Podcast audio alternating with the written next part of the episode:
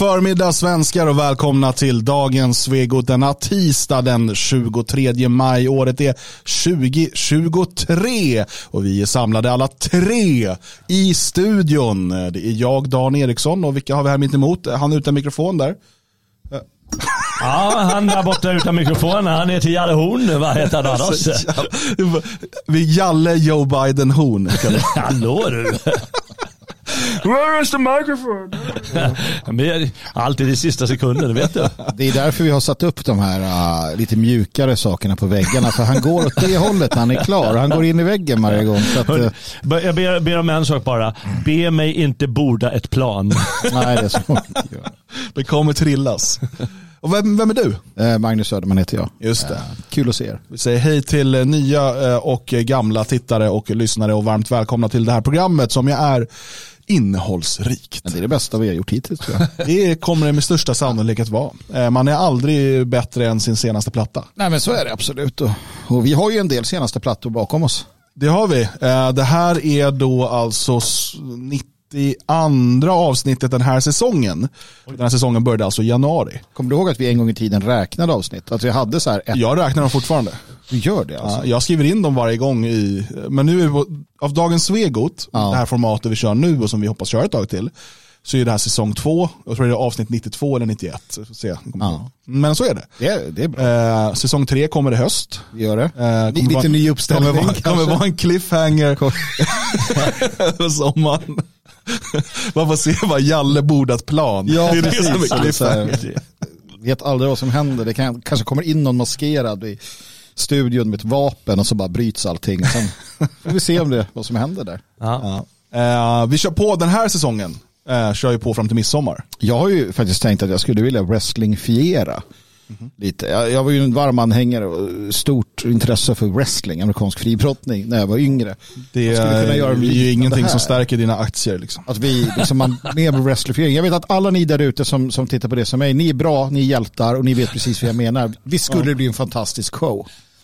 Ni behöver inte säga någonting, ni Nej. tröttmössor. Men vad skulle showen vara? Ja, det säger jag inte till dig. Du har missat någonting i ditt liv. Du kan sitta och läsa dina jävla gamla gubböcker istället. En jävla kant och skit. Den här Immanuel. Ja, den där Immanuel. Emanuel. Emanuel. Det är inte kul att liksom ändra den här Monty, gamla Monty Python-sketchen när filosoferna ska spela fotboll till att de kör wrestling. Ja, det hade i och för sig varit bra. Det har du rätt. Kant mot Aristoteles. Ja. Ja, nu är du tillbaka i min, nu fick du en liten sån här stjärna. Ja. Så här, såna sexkant, sexuddig. Precis, först fick han malört, den gamla filosofen. Nu, Hörni, eh, vi ska idag såklart prata om polisskandalen. En polisskandal som måste få konsekvenser och det rör såklart eh, det som händer bakom kulisserna när, när eh, polisen helt enkelt struntar i grundlagen och så vidare. Det, Dagens Nyheter av alla jäkla blaskor har grävt i det här och bara det är ju värt ett program i sig att prata om. Varför gör de det? ja, absolut. Men ibland så, jag, jag får för mig att ibland så, du vet även de här gamla trötta journalisterna, eh, agendastyrda som de är, ibland så, så hittar de tillbaka till ungdomens längtan efter skopet, efter att faktiskt göra skillnad, att vara den lilla personens röst och sådär. Eller så har de bara en aversion mot polisen helt plötsligt. Det kan vara det också. Vi ska prata också om att idag så eh, står ju eh, Mattias Våg inför rätta. Han, alltså I en så civil domstol heter det va? Där han då är stämd för förtal. Det är två fall av förtal. Eh, och eh, det pågår just nu, det börjar klockan nio i morse. Och vi ska prata lite om det här för att det får en del intressanta konsekvenser eh, som eh, inte är helt eh, oviktiga. Mattias Våg är alltså då eh, en ledande person inom AFA, grundare därutav, guldspadevinnare via researchgruppen när de eh, hackade diskuskommentarer och eh, hängde ut eh, massor av svenskar och, såg till att de blev arbetslösa för att de hade uttryckt invandringskritiska åsikter. Eh, han är en person helt enkelt som, som under lång tid har arbetat för att eh, förstöra Sverige. Absolut, och han har varit mer eller mindre eh, involverad i attacker på, på svenska nationalister genom eh, att han är har bidragit med information. Han har också varit en, av- han är en av de europeiska ledarna i de här nätverken. Han har dykt upp eh, i, i eh, eh, på många ställen, framförallt i Tyskland och sådär, när det har varit stora upplopp och kravaller. Ja. Vi, vi ska prata om det eh, och det är ju tack vare förtalsombudsmannens arbete då, så du kommer komma in lite på det. Eh, och till sist så vill vi idag också röra det som har varit det mest diskuterade, åtminstone på Twitter och det är min bubbla de senaste dagarna, men det har ju även nått liksom eh, Aktuellt Studios och, och public service, radioprogram och de har diskuterat och det, de flesta ledare eller kultursidor har väl kommenterat det. Och det är ju Lena Anderssons artikel, ledarartikel i Svenska Dagbladet mm. om eh, huruvida det finns hungrande barn i Sverige eller inte. Mm. Uh, och det där är intressant. Så att, uh, det kommer vi ta som, som sista ämne idag. Men innan vi går in och pratar om de här ämnena uh, så är det ju så att det nu bara är 14 dagar kvar till nationaldagsfirandet. Eh, och det är inget, vilken, inte vilket nationaldagsfirande som helst. Det är alltså 500 år sedan Gustav Vasa valdes till kung och eh, eh, gjorde slut på, på den, det utländska väldet i Sverige. Eh, och det här eh, firar ju vi här i Svenskarnas hus eh, och du är välkommen att delta. Föranmäl dig jättegärna så att vi kan köpa in och fixa rätt antal korvar och tårtor och kaffe och saft och allt sånt som vi bjuder på för att fira den här nationaldagen tillsammans. Och det gör du inne på friasvenskar.se. Under evenemang så tar du nationaldagen i Svenskarnas hus och så anmäler du dig där så ses vi här om 14 dagar. Men vi firar också det här med nedräkning genom att eh, varje sändning fram till den 6 juni läsa en fosterländsk dikt. Och eh, har du hittat någon den här dagen också, Jalle? Eh, ja, det har jag. Och jag undviker än så länge de här gamla långa balladerna och liknande. Bland annat Gustav Vasa, liksom, hur mm. han hjälper till. Han och dalkarlarna ger Christian på nöten. Va? De från sen medeltid eller tidig nytid, 1500-talet, början av 1600-talet de är på så här 15, 20, 25 strofer. Mm. så även om de är så här frodiga och roliga så är de väldigt långa. Så jag håller mig till de korta än så länge. Mm. Och eh, då är det ännu en då från 1800-talet här, mitten av 1800-talet. Eh, och det här är då något som alla känner igen. Hoppas jag. Och eh, säkert de allra, allra flesta har sjungit. Mm. Ja, inte ah, Idas sommarvisa. Eh, ja, nästan. nej, det är inte det och det är inte nationalsången utan då är det givetvis en annan sång. En annan sång. Fantastisk. Ja. Kungsången. Nej. Nej, nej, nej, nej, nej. Eh, det är ju något så enkelt den som... Den blomstertid nu kommer, men den är inte, handlar inte om Gustav Vasa. Det är inte så många som känner till att eh, studentsången ah. har en andra strof. Mm. Ja. Nej.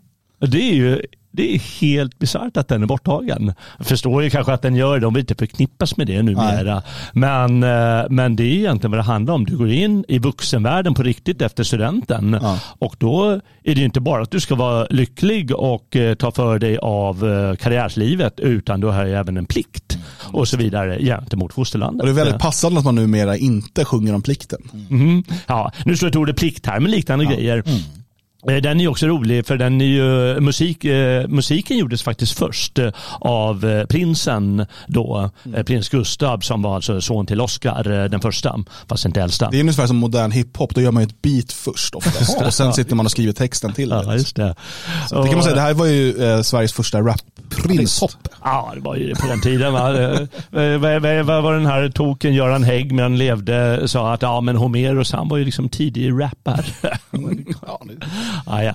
Vi slopade det där. Eh, sen gav han då den här eh, sången till hans kompis Herman Säterberg mm. som var poet då och sa kan du skriva en text till den? Så gjorde han det. Mm. Och första ordet har ju vållat många eh, så här, visst motstånd eller konstigheter så är det sjung om. Mm. Och heter det egentligen sjung om eller heter det sjung om? Ja, både och och bra. Både och och bra. Grejen är tydligen att eh, eh förläggaren, mm. han skrev om det här till sjung om, Aha. det vill säga två ord. Står det sjung om så är det ju en uppmaning, mm. det vill säga besjung mm, eh, studenten eller vad det kan vara. Ja, så är det i alla fall. Eh, kan man ju klura på, det kanske inte är det viktigaste, vi ska väl kanske ta den. Ja. Ja. ja. Och, Eller skit i det så går vi. ja, nej, men den lyder så här. Och, det här var cliffhanger, säsong tre. ja, vi kör väl första eh, som repris för alla. Eh, sjung om studenternas lyckliga dag. Låt dem oss fröjdas i ungdomens vår. En klappa hjärtat med friska slag och den ljusnande framtid är vår. Inga stormar än i vårt sinne bo Hoppet är vår vän och vi dess löften tro när vi knyta förbund i den lund där de härliga lagrarna gro. Där de härliga lagrarna gro. Hurra! Och det känner vi alla igen. Mm. Men sen kommer den viktigaste delen. Svea, vår moder, hugstor och skön, manar till bragd som i forntida dagar, vinkar med segerns och ärans lön, men den skörd utan strid man ej tar. Aldrig slockne då känslans rena brand, aldrig brista må vår trohets helga band, så i gyllne frid som i strid. Liv och blod för vårt fädernes land. Liv och blod för vårt fädernes land. Hurra! Det är fantastiskt. Ja. Andra versen borde sjungas oftare. Alltså ja, det verkligen. Skit i den första, ja, kör bara den andra. Studenttrams. andra, kör den direkt. Ja. ja, men det här är ju bra, va? för det är studenttider och då kan alla faktiskt föräldrar som lyssnar på det här, som råkar ha studenter i den, eh, eller barn i den åldern, säga det här till sina barn. Vet du, sjung, säg att uppmana klassen att sjunga även den andra delen. Ja, men ett annat aber med student, det finns ju mycket att, att prata om med studenter. En sak är ju det här att ingen liksom idag alla får springa ut. Det tycker jag är vedervärdigt. att inte de som misslyckas inte får. Att alla springer ut, alla kastar mössor. En gång i tiden var det så att vissa fick ju lomma iväg på baksidan för de hade inte lyckats. Men alla får medaljer liksom. Det är så jävla värdelöst. Det betyder ju ingenting. Nej, alltså du menar att ta studenten från gymnasiet, i, alltså det är ju, jag vet inte. Jag är också så här, jag fick lära mig när man var liten, det var så viktigt med liksom det, betygen och så här, om det är små barn som lyssnar på det här, det är jätteviktigt med betyg. Mm. Sen kommer jag se när jag kom till min typ, en av mina första arbetsintervjuer liksom efter skolan och så. Mm. Jag hade med mina betyg, bara, vad ska vi se om det är för? Nej. Kan du jobba, alltså, det är klart, de var ju bra för att sen söka in på universitet ja, vad man nu ska göra. Liksom. Men eh, okej, okay, vi vill veta vad du är för person, kan du jobba, klarar du av det här jobbet? Precis, i den verkliga världen. Jag sket i om du hade liksom VG i religionskunskap. Va? Jag trodde det var jätteviktigt. Jag ska ju jobba som säljare. Kanske man behöver tro på Gud eller jag vet inte. Ja. Ja, men lär man sig ju inte. Nej. Eh, hörni, låt oss eh, gå vidare då till dagens eh, första ämne och eh, det är då eh, polisskandalen. Och som sagt, det är alltså Dagens Nyheter som har följt eh, de här eh, ska man säga, turerna fram och tillbaka när eh, Rasmus Paludan har nekat, man har försökt att neka och man har nekat hans eh, an ansökningar om demonstrationstillstånd. Här ska vi ta fram den på skärmen också så alla får vara med.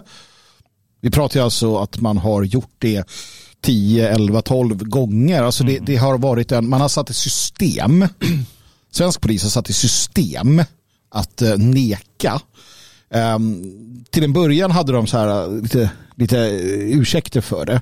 Men sen slutade man ens ursäkta utan man bara så här uh, gick ut med en generalorder. Allt Paludan gör ska nekas. Mm.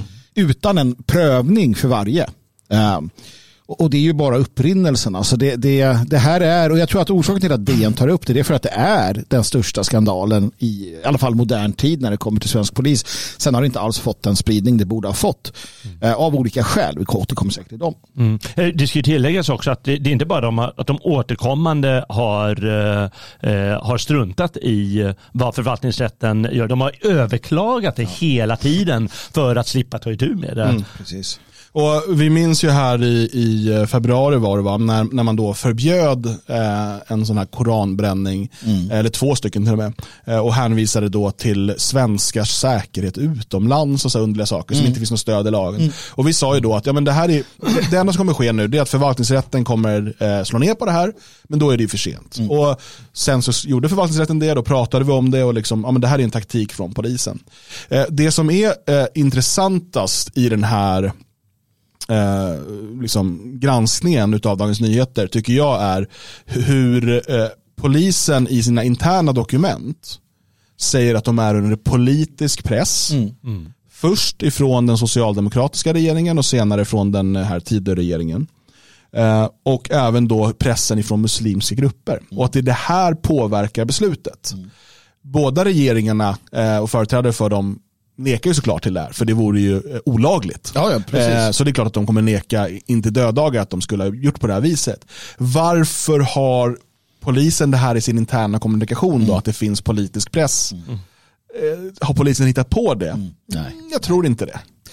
Nej, verkligen inte. Alltså, alltså, saken är ju den att det är det här som, alltså, förutom de två sakerna som, som är viktiga här, så, så känner jag också att det finns en sak som är väldigt avgörande och det är medvetenheten.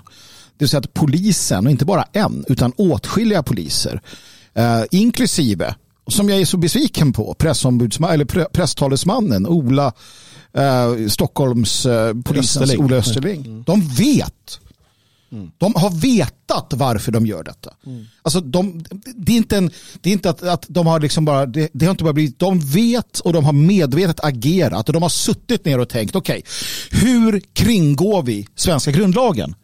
Hur ska du som eh, ska ut i pressen, hur ska du förklara det här? Jo, du säger så här, så här. De har varit med och medvetet arbetat för att kringgå den svenska grundlagen för att eh, så att säga eh, blidka muslimska organisationer som hotar Sverige, svensk grundlag, svensk polis, svensk yttrandefrihet.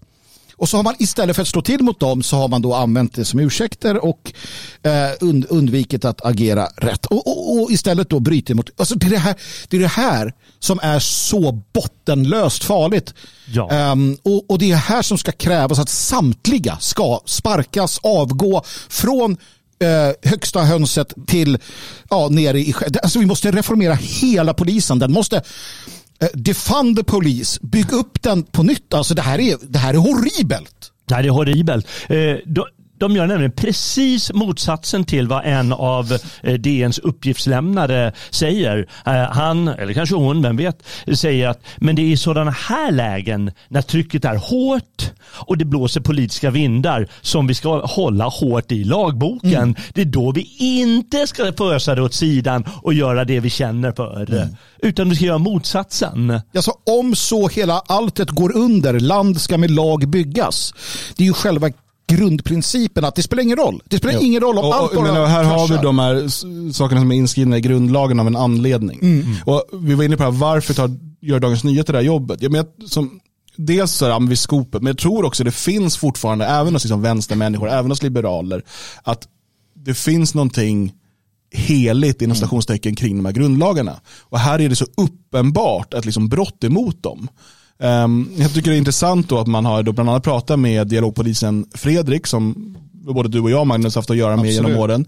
Ehm, och min bild av Fredrik har ju alltid varit att han eh, är väldigt professionell. Eh, och det visar han ju här åter. Alltså, han känns som en, en, en av få poliser jag har stött på som har den här riktiga tjänstemanna eh, liksom rollen. Att han, han, är, han har säkert massa åsikter privat. Det tror jag nog han har. Men när han är, när han är polis, då är han bara en tjänsteman. Och han, han ska, hans enda jobb är att liksom se till att lagen upprätthålls och så vidare. Och som dialogpolis då att vara den här länken emellan. Eh, och de har ju intervjuat honom, vi kan bara titta lite kort på det klippet. Eh, vad, vad han säger om det här. Om vi först ska få reklam, tack så mycket. Jag var tvungen att stänga av min adblocker för att ens kunna spela videon. Ska vi se. Då måste vi säga, vi har ju... Det korta och väldigt enkla svaret är ju att, att här har Polismyndigheten gått för långt. Man har alldeles för extensivt tolkat ordningslagen eh, vilket har gjort att den enskilda eller medborgaren här har fått sin demonstrationsrätt ins, inskränkt kan man säga. Kan du bekräfta att inte ska få tillstånd att demonstrera i Sverige? Eh, Svensk polis följer svensk lag och eh, vi, det är polisen som fattar dem och det gör vi i god ordning. Eh, Sen kan det prövas i domstol också. Jag tror att initialt så var Polismyndigheten i, i chock. Samhället var i chock över det, det våld man mötte i samband med att Rasmus Paludan skulle demonstrera. Vi trodde inte att vi skulle möta så här besinningslöst våld så här organiserat. Därefter har man igen försökt parera för den här konflikten genom att använda ordningslagen för extensivt. Vilket har gjort att man har fått bakslag i, i domstolen. Man har inte riktigt hittat rätt i hur man ska hantera den här sortens demonstration. Man måste nog förstå att den här hanteringen av tillstånd och Erasmus Paludans demonstrationer bygger på ett underliggande hot. Det innebär att vi gör inskränkningar i demokratin utefter den som kan manifestera våldskapital helt enkelt. Det gör att det förskjuter den demokratiska diskussionen så att man kan påverka samhället genom våld och hot. Det gör att den starkes rätt manifesteras på det viset. Polisen har ju fått ett uppdrag via medborgarna att vara den starka och jag ser hellre att det är polisen som är stark än andra. Jag eh, tror inte för ett ögonblick att eh, dialogpolisen här skulle tveka ett ögonblick att eh, gripa mig om det var så att jag hade begått brott. Jag är helt säker på att han mm. skulle agera ut efter den lagbok han hade någonstans ut att följa. Det är det som gör honom till en, en, en öm, eller en, en jag, jag tror inte att han är så omtyckt Eh, bland delar av polisledningen eller poliskåren. Jag vet att det, eh, det finns de som är väldigt, för att han, just för att han har den här professionella ja. inställningen eh, så finns det kritiken och ett, ett milt ord mot honom. Men det som Fredrik säger här är också oerhört viktigt och det här är något som jag har hört i, liksom till och från från olika människor inom polisen um, under 20 år och framförallt kanske under de 10-15 år där jag liksom höll på med demonstrationer och där det är liksom mer, mm. mer risk att det blir våld. Och det är att, för jag minns mycket väl hur man, vi var naiva. Mm. Vi, så här, vi sökte demonstrationstillstånd, fick demonstrationstillstånd. Eh, du vet, ja, men det är samling på Mynttorget klockan 12, mm. demonstrera mot eh, massinvandringen eller någonting. Så ska man ha sin demonstration och så kommer man dit. Och så är det upplopp. Då är det liksom invandrare och maskerade vänsterextremister mm.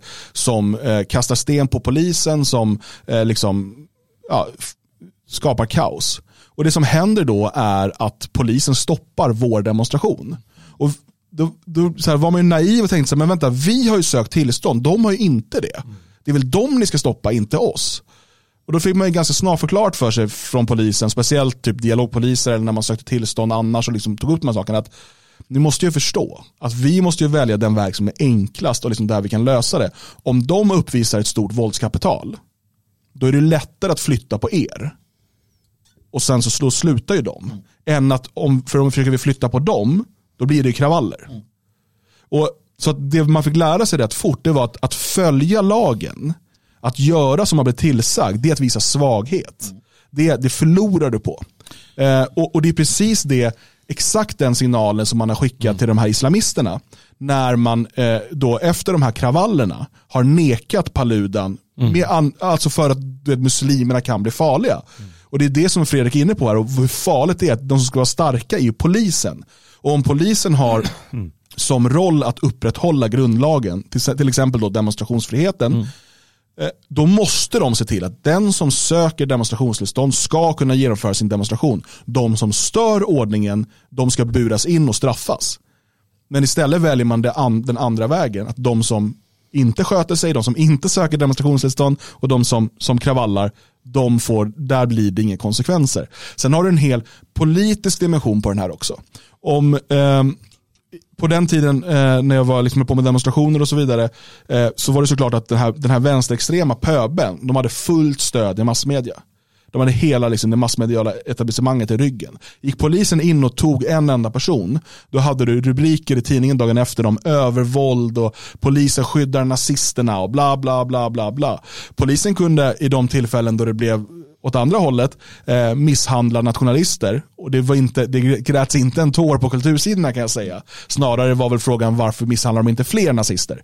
Eh, och så att du har ju den dimensionen här också. Precis på samma sätt är det med de här muslimanerna.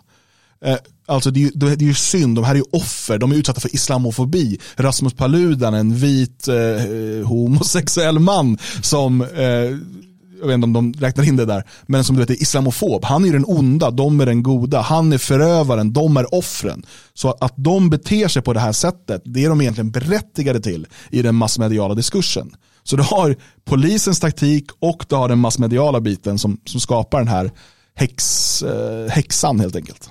Mm. Det är en häxkittel.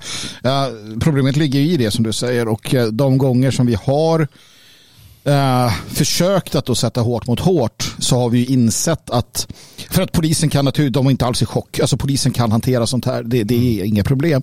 Och det har de visat eh, med all önskvärd tydlighet när vi har försökt att hävda makt är rätt. Vi har varit särdeles, eh, vi har inte varit lika bra på det. Um, dels har vi inte den kulturen. Den nationella oppositionen har inte haft den kulturen och gatustrider som vänstern har haft och så vidare. Och vi har inte samma idé som som eh, utlänningarna. Så att när vi har försökt så har vi åkt på rejält med pisk. Och de gånger som polisen har dragit vapen det är också mot nationalister framförallt. Det hände i Göteborg naturligtvis. Mm. Men jag vill också bara, eh, så därför så är det ingen, alltså som det har sett ut så har det inte varit någon idé för oss att försöka göra som dem.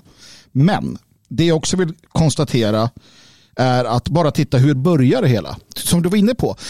När man på 70 80-talet BSS och liknande ställer sig och delar ut flygblad i, i, i tunnelbanan och så så är det de, de är där för att dela ut flygbladinformation. Mm. De blir överfallna. Mm. Och det här är ingen offermentalitet, utan det är faktum. Svenska nationalister har alltid varit de som blivit attackerade. Och därför har vi fått, fått försvara oss. Alltså, och, och, det, det finns ett fåtal fall där vi har vänt på steken. Absolut. Eh, där vi har sagt att nu, nu, nu blir vi den liksom, attackerande. Mm. Alltså, det är inte så att det aldrig har hänt. Nej. Men det går ju liksom en på hundra. Liksom. Alltså, det, det, är knappt ja, jämförbart. Ja, Sen så bara konstatera att det här, de skulle hamnat i chock. Det är möjligt att, att vissa gjorde det som är nya på, på jobbet. Ja. Tornberg ljuger. Det är det också. Ja. Där, där, står rikspolischefen och ljuger. Um, återigen, han måste bort. Han, han och polisledningen räckte det inte med den där jävla snuskskandalen med den där bruden? vad fan håller de på med liksom? Ja. Eh, det, det, är en polis värdig, ja i sig värdig den nation vi lever i för tillfället. Man undrar ibland om eh, har polisen hijackats? Eh, mm liksom infiltrerats helt enkelt av främmande element som, som tillåter det här. Men å andra sidan som du säger Dan så har de ju alltid hållit på så här. Men det pratas ju så mycket om demokrati. Jag tycker det är jobbigt med ordet. Men låt oss mm. använda det just nu. Ja, men det är uppenbart att svensk demokrati har fallit har givetvis fallit för länge, länge, länge sedan. Mm. Men det här är ju uppenbart. Och förtjänar polisen våldsmonopol mm. när det, när det eh, är så här? När de ett säger att vi kan inte hantera det för vi är i chock, vilket förstås är en lögn. De kan visst hantera det och, och den här förvaltningsdomstolen säger ju det är polisens uppgift att hantera det helt enkelt. Det är självklart de har resurser till att göra det. Mm. Eh, så Nej, de, de, de, de förtjänar inte våldsmonopolet annat än om att det bara avgår hela gänget. Mm. Det är ju enda sättet att mm. lösa det. Det måste ju få konsekvenser. För att de förtjänar inte våldsmonopolet eftersom att de inte kan eh, upprätthålla det de har våldsmonopolet för att upprätthålla. Mm. Eh, om, om polisen inte kan se till, om, för att, att, att, vi kan ha eh, demonstrationer, att vi kan ha yttrandefrihet och så vidare, då måste vi ha rätten att försvara oss mm mm. Eh, med våld för att kunna upprätthålla den här friheten och rättigheten. Jag, vi pratade för några veckor sedan eh, och jag tog upp det här med Kristoff eh, Anderssons eh, idé om att bland tyska nationella att det var så här, nationellt befriade zoner. Eh, och jag tror att Malin Bring på Mariestadstidningen har missförstått lite vad det handlar om. Mm. Vad, poängen som, som eh, den, den här tyska strategin var, var att vi, vi kan inte Eh, hålla demonstrationer. Polisen skyddar inte våra demonstrationer. Så vi måste skapa områden där vi kan se till, alltså det de kallar för nationellt befriade zoner, där vi har möjlighet att demonstrera, möjlighet att hålla torgmöten, möjlighet att gå ut och prata med folket och få ut vår information. Det är då en nationellt befriad zon. Eh, och, och, eh, och, och, det är liksom en nödvändig strategi som växer fram ur att man under lång tid i Tyskland eh, fick sina demonstrationer stoppade, förbjudna eh, eller eh, genom att eh, våldsvänstern då satt med sina jävla sittblockader mm. och kravaller och så vidare och då valde polisen att ställa in nationalisterna. Så då, man, då måste vi skapa områden där vi garanterar säkerheten. Och det är samma sak här, om polisen inte kan göra det här. Det här är så fundamentala, grundläggande rättigheter, egentligen vare sig det är en demokrati eller inte, att människor ska ha möjlighet att sprida sitt budskap. Um, om det så är demonstrationer, torgmöten, flygbladsutdelningar eller om det är på internet. Om polisen inte kan upprätthålla det, då, då har de inte heller rätt till ett våldsmonopol längre. Nej. Då måste vi få rätten att liksom beväpna oss och försvara oss för att kunna säkra områden och skapa befriade zoner. Och just det du säger är ju sant och det, det är också så att äh, i en stat där polisen inte, liksom kan, inte fungerar då, då, är det, då finns det egentligen inget, inget rimligt svar än att just skapa egna sådana styrkor, vilket är i Sverige ett högmålsbrott. Eh, alltså polisen, enligt lagen så får du alltså inte skapa polisiära organisationer eller militära organisationer. Du får inte organisera dig på ett, ett sätt som är polisiärt eller, eller militärt. Det är högmålsbrott. Och det har man då satt in. Och, och det är väl, det är väl, jag förstår det. I en, i en liksom homogen nation där polisen fungerar så förstår jag att du har den lagen. Även om jag tycker miliser alltid borde finnas. Men vad är alternativet då? Polisen. Kära poliser, kära Tornberg och politiker. Ni politiker som har varit med och gjort det här. För vi ska inte glömma den delen heller. Vad är alternativet? Jo, det enda man kan göra som en, en, en liksom normalt funtad svensk det är att organisera en milis. Det är att organisera sig bortom er liksom tappade eh, förmåga för att säkra sig själv. Eh, Ja, och vi kan inte göra det här och vi kan inte Nej. uppmana folk att göra det. Eh, Men det är ju den naturliga konsekvensen som kommer bli utav Ja. det. Man måste ju Ja, förstå Ja, vad som händer. eh, För att eh, det är inte så att alla bara kommer acceptera att eh, liksom, våldsamma islamister och kommunister eh, ska liksom få bestämma vem som får tala och inte. Nej. Eh, eh, Dessutom, jag menar, polisen kan ju inte upprätthålla lagen och inte nog med det, de bryter ju mot lagen själva. Jag menar, det är ju inget att ha. Alltså kommer, som du säger, naturlig konsekvens det blir att eh, folk eh, skapar då egna miliser eller Mm. egna sorts skyddsåtgärder. Eller de liksom kör, det, det växer fram gated communities, alltså den vägen vi, via väktare Mm. de och, och liknande som man har. Eh, Men, men det är en sak till här och det är ju eh, det här att de visar svaghet polisen. Och det grundar svaghet. De är rädda för medias hets. Det är svaghet givetvis. De backar mot de här muslimska grupperna och säger att ja, vi känner oss pressade av dem. Det visar svaghet. Och dessutom säger de sig att de har känt press av politiker. Och politikerna vill in i NATO säger de. Och hur är deras sätt då att hantera det här? Jo, det är att vika sig för Erdogans hot. Och eh, när han säger att Nej, men Paludan ska inte få bränna några koraner hos er. Det är att visa svaghet. Så vad de hela tiden gör är att upprätthålla svaghetens princip. Och det yttrar sig sen i den här anarkotyrannin då de ger sig på de här nationalisterna som demonstrerar. Eller vilka det nu är. De får bära hundhuvudet och upplösas och inte ha sin demonstration. Och eh, de här vänsterkravallerna, de får eh, vinna. Det är hela tiden att upprätthålla svaghet och misskötsel. Ja. Och därmed blir det naturligt. Och Staten har fallit. Eh, Kan vi läsa här bara vad de skriver då för att få in den här pol- politikerbiten. Eh, Så här står det. Dessutom vill han bränna Koranen på första maj i Stockholms innerstad. Enligt dokumentation som DN tagit del av upplevde polisledningen press från den S-märkta regeringen att stoppa aktionen. Dokumentationen kommer inifrån polisen. Av hänsyn till källskyddet kan den inte citeras, men där framgår att polisledningen ansåg sig vara under hård politisk press. Och det är en polisledning som i allt väsentligt har rätt, rätt partibok är jag rätt säker på också. Uh, och, och, det är uppenbart här då. Så att å ena sidan så har du liksom en politiserad polis med aktivistchefer, en agenda, liksom en agendapolis. Um, du har en polisutbildning som på senare tid har liksom helt havererat så att många nya poliser de har absolut inte det tjänstemannatänket som, som man eftersöker naturligtvis. Eh, du har hon som gick ner på knä för att liksom visa att eh, hon var med i den här BLM och det är, det är selfies och det är liksom eh, Twitter hit och dit. Sådär. Så att, och det är ju ett katastrof i sig.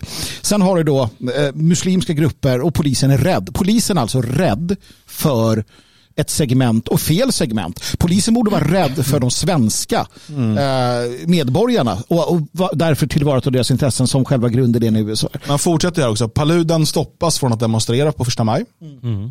Dessutom beslutar polisen att Paludan inte ska få tillstånd någonstans i Sverige under den kritiska perioden. Valborgshelgen och fram till den 2 maj, alltså den helgen där då. Eh, enligt ett dokument som DN tagit del av. Myndigheten slutar alltså pröva varje tillståndsansökan för sig och inför ett nationellt Paludan-stopp. Utåt hävdar polisen att det beror på en samlad bedömning av hot och risker efter påskupploppen. Att det helt enkelt är för farligt att bränna Koranen. Men beslutet väcker reaktioner och polisen anklagas för att vika sig för våldsverkare. Och det här är ju, eh, det, alltså, det här är hela poängen och det de säger här också det är att okej, om ni säger vi har inte tillräckligt med resurser, ta in extra resurser. Det här, är ju, det här är varför ni finns. Det här är varför vi tvingas betala för er eh, med våra skattepengar. Det här är liksom varför ni har våldsmonopolet. Ni har avväpnat oss och ni stjäl våra pengar varje månad, för att, eller varje dag, för att ni ska finansiera det här. Vi får inte ha vapen, vi får inte behålla våra pengar. I utbyte mot det, ofrivilligt, ska vi få säkerhet och, och eh, grundlagsskyddade rättigheter. Ni upprätthåller inte vår säkerhet eller våra grundlagsskyddade rättigheter. Istället viker ni er för kommunister, socialister och islamister. Det är liksom, alltså, det förräderiet, det, det avtalsbrottet.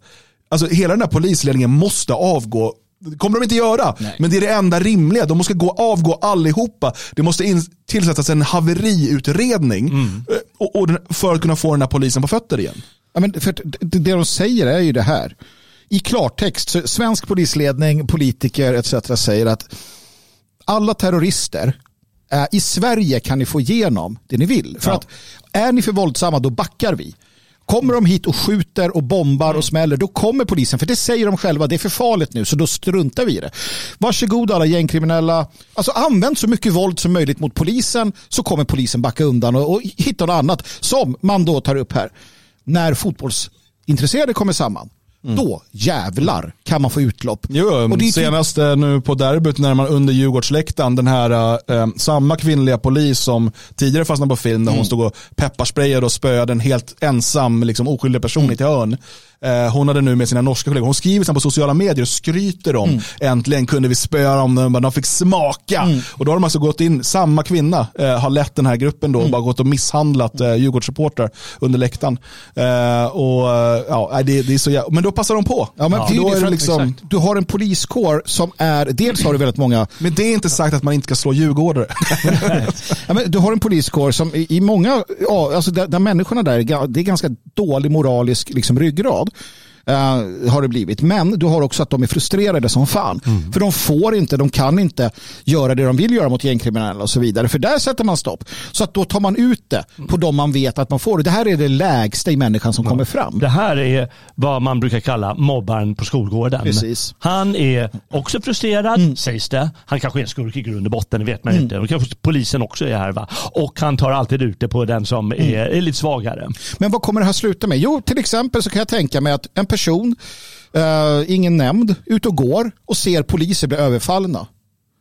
Och man går vidare, man tittar på dem och bara, jaha.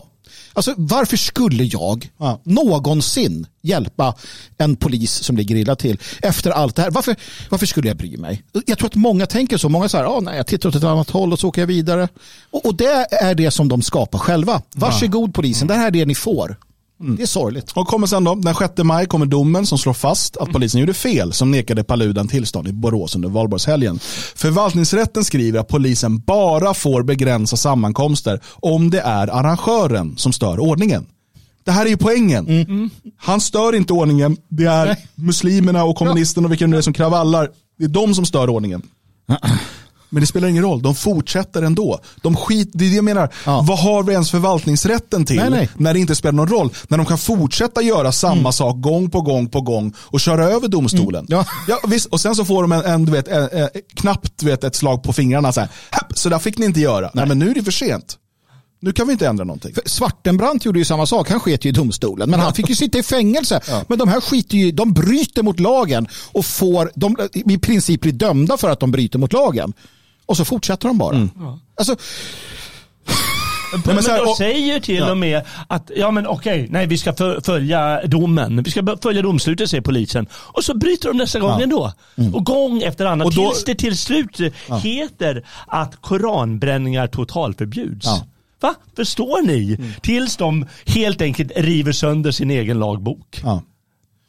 Precis, Eh, och då, då är vi ju liksom nästan, eh, nästan ett år senare. Eh, Polisen svänger igen och den 8 februari tas ett beslut som väcker stor uppmärksamhet. Koranbränningar totalförbjuds trots att det inte har stöd i ordningslagen. Därför ska lagen tolkas citat extensivt, slutcitat, står det i polisens interna dokument. Ehm, samma dag slår Säkerhetspolisen fast att koranbränningar är citat hotdrivande, slutcitat. Vilket polisen hänvisar till när de nekar två nya arrangörer från att bränna koranen. En kristen man från Irak och kulturföreningen Appalarkerna. Ehm, det man kan undra då, det här är absolut inte en uppmaning. Jag vill bara, jag vill verkligen säga det, Jag- det här är ett jätteteoretiskt tankeexempel. Om eh, man skulle börja liksom eldbomba och, och, och, och liksom kravalla och slå ner människor eh, vid fredagsbönen på moské. Skulle man till slut då förbjuda fredagsböner i den moskén?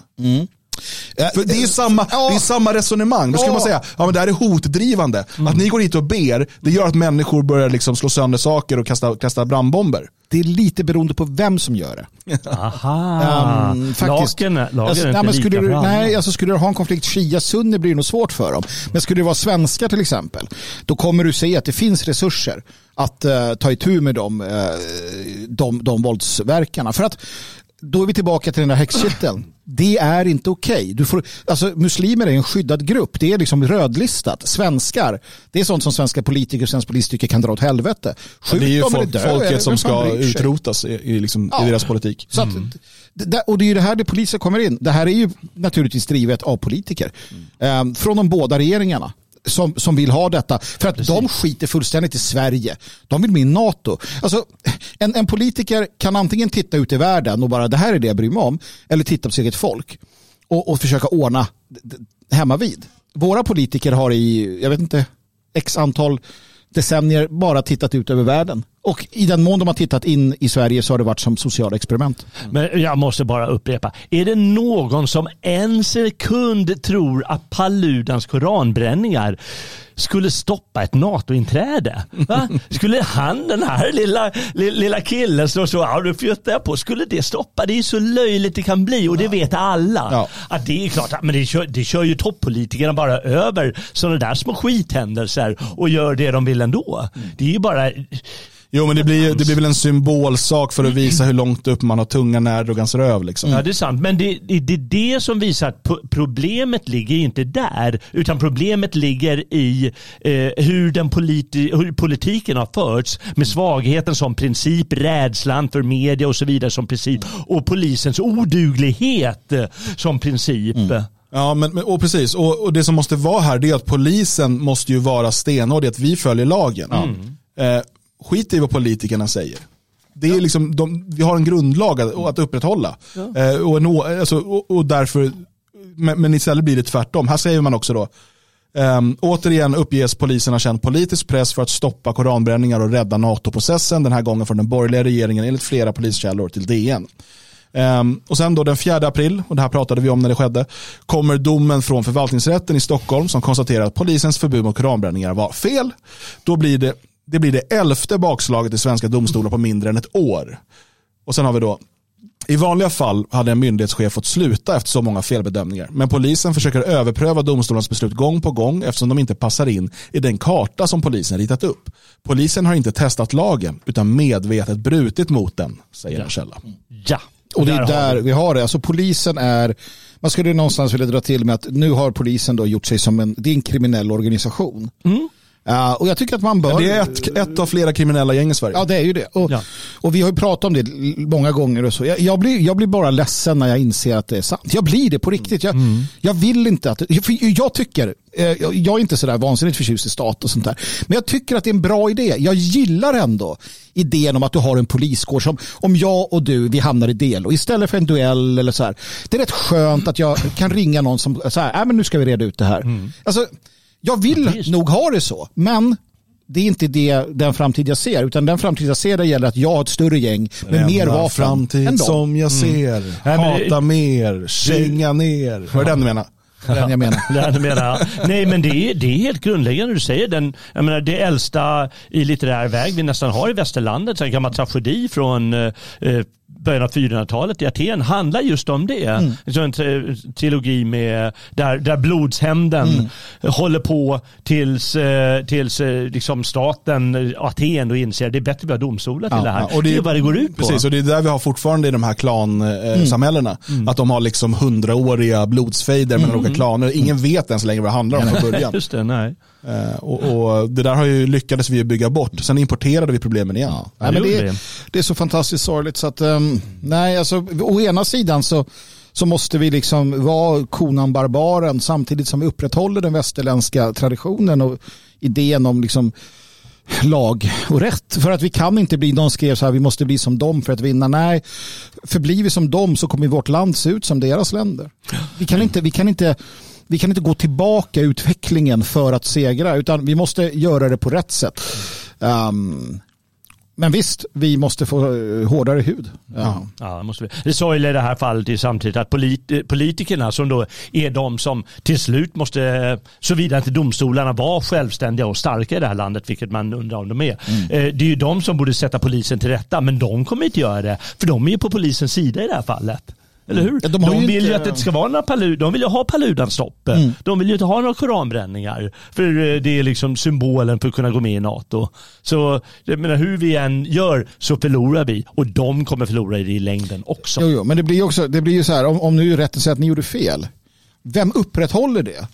Vem upp, om, om jag blir dömd att jag gjort fel, då kommer polisen upprätthålla att jag inte ska göra om detta.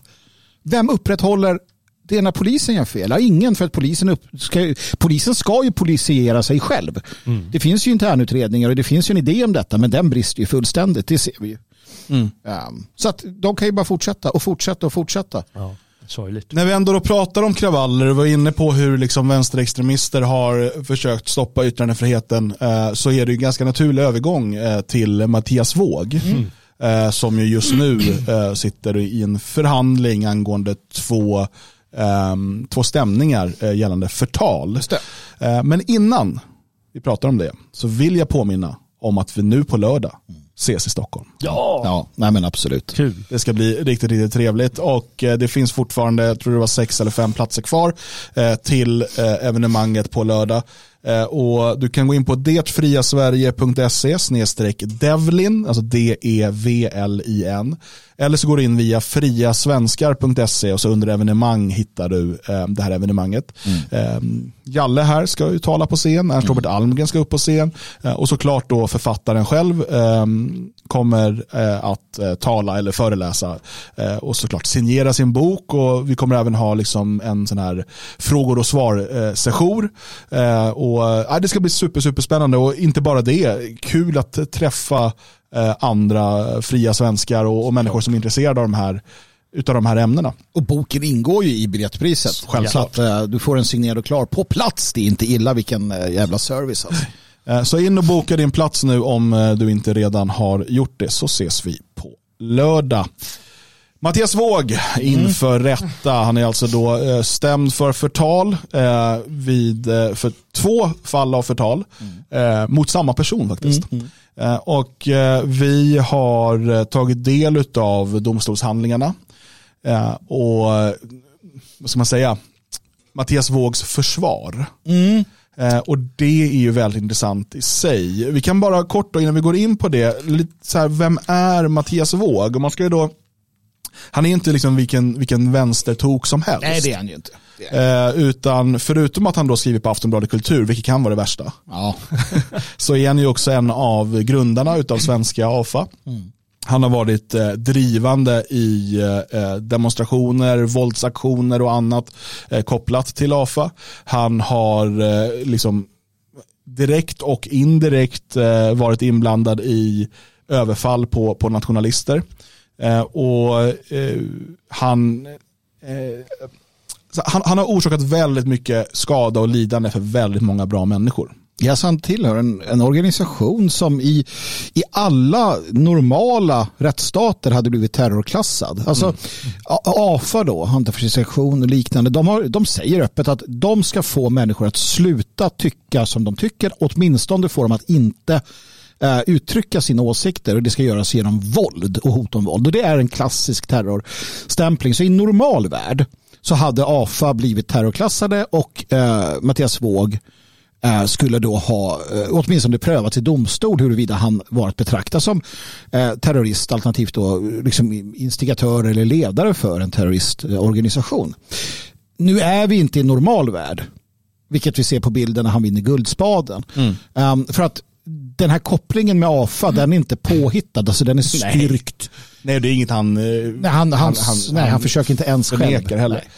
Så att det är där vi står. Uh, I en normal värld så hade han Och, varit... och vi vet att han fortfarande förser våldsvänstern med information om individer, hemadresser, arbetsplatser Mm. och annat som han eh, genom... Eh, han är ju ganska duktig på liksom det här med researcharbete. Han är, han, det är inte så att han är talanglös i de här frågorna. Oh nej, oh nej. Han har gjort sig förtjänt av sin guldspade. Sen, sen använder han dem till, till onda saker. Ja, sen är det att, han, att de använder olagliga metoder. Um, Alltså, Så här skriver han själv på Twitter. Får man inte ens ha varit med och grunda AFA i det här skitlandet utan att någon nasse ska gnälla över det.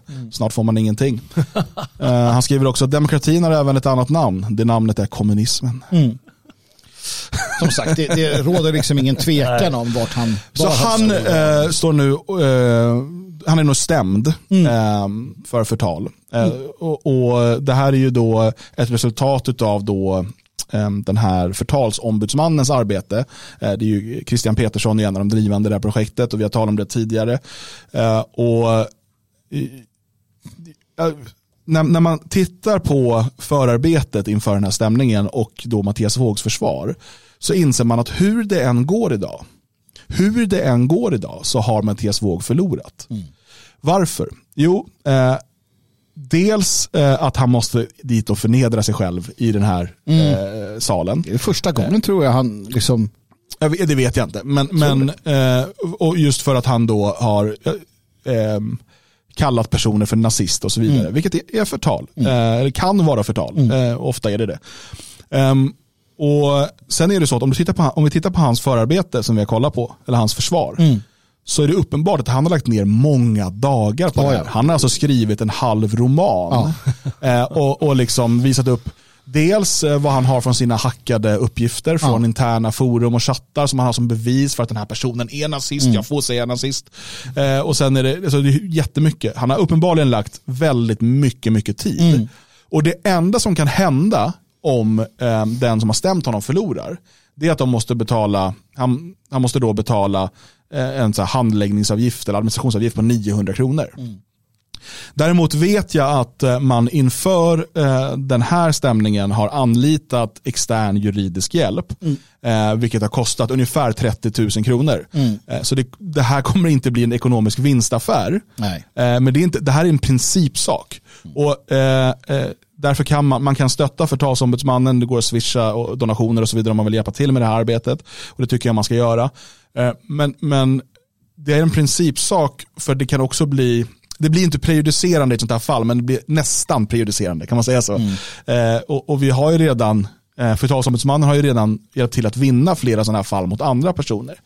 Ehm, och och det här, där, därför blir det här väldigt viktigt. Och, eh, till en början tyckte jag att det var, det är så här, men ska man hålla på och stämma folk för att de kallar en för nazist? Liksom? Man är ju själv så här, man, man skakar av sig saker och man bara så här, men låt dem säga vad de vill. Man är liksom van med, med, med de här hån, ja, vad säger man, förtalen helt enkelt. Eh, tills jag insåg hur rädda många av de här människorna Ja. nu är för att bli stämda. Eh, det var en person som skrev till mig just någonting med nazism. Och så vänligen ta bort det där genast, eh, annars så skickar vi det till förtalsombudsmannen.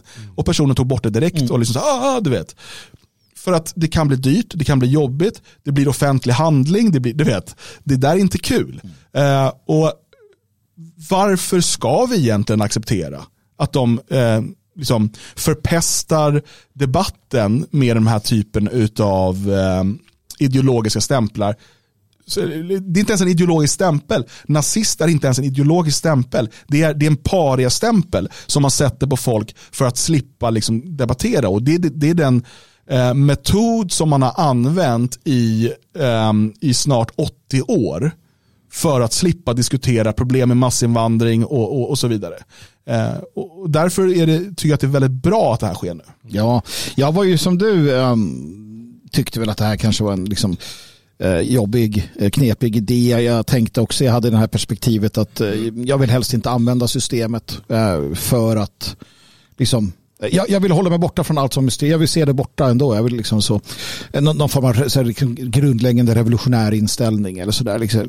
Men, men sen tänkte jag också det att eh, ehm, um, efterhand när jag såg det så kände jag samma som du där. Och det faktum att de lyckas och de gör det på ett bra, smart sätt visar också hur effektivt det kan vara.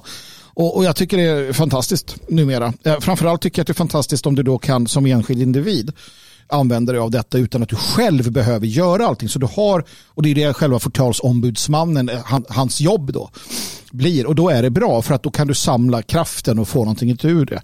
Det, det, det jag såg framför mig var att en massa människor skulle på egen hand försöka liksom så, så att det blev något halvdant om man gick på pumpen. Och att man tröttnar på det. Men nu ser jag att det här är ju, det är ju professionellt och det, det finns människor bakom som jobbar som kan gräva och hitta också. Så att jag tror på det. Sen kommer jag själv att använda det. Nej, jag har sagt så mycket genom åren. Så, så jag känner inte som någon mening med Nej, men det, fin, det finns i- faktiskt också en, en liten sak där att vi skulle förmodligen räknas som offentliga personer. Precis, precis. Då finns det inte riktigt samma skydd. nej. Eh, Det är helt okej för min del. Faktiskt. Det, det är vad det är. Eh, Mattias Våg skriver idag på Twitter innan han ska till sa- rättssalen där då att när man brottas med en gris blir båda skitiga men grisen tycker det är kul. Var alltid grisen. Mm. Så han försöker ju nu peppa sig själv att han tycker det här är kul. Jag är en gris Mm. liksom. Det här. Vadå, Nasses svin? Ja. Eh, Sen har han filmat då när han kommer till rätten. Tydligen var det liksom stor eh, media, alternativ media eh, uppbådelse eller vad säger man? Så här. Det är ganska roligt. Ja. Så försöker han spela cool. Får man hälsa lite här? Tjena Roger! Men eh, på första maj så demonstrerade du Sånt tillsammans här. med maskerade vänsterextremister. Sal kommer det sig? 8. Den här. Du säger dig ta avstånd Jag hade tänkt prata lite med dig sen Mattias. Du tar ju avstånd Jag slår en signal. tar ju... Fan, du luktar ju alkohol. Eh, jo, men Mattias. Du säger att du tar avstånd från den våldsbejakande vänstern, men på första maj så demonstrerade du med flera eh, maskerade vänsterextremister. Slemmig. Ja, och så kom. se deras namn och sådär för att visa liksom, "Ah, kolla vad jag vet vad ni heter. Oh. Jag vet inte, det, det, var, det var ett det var ett så kraftlöst inträde där.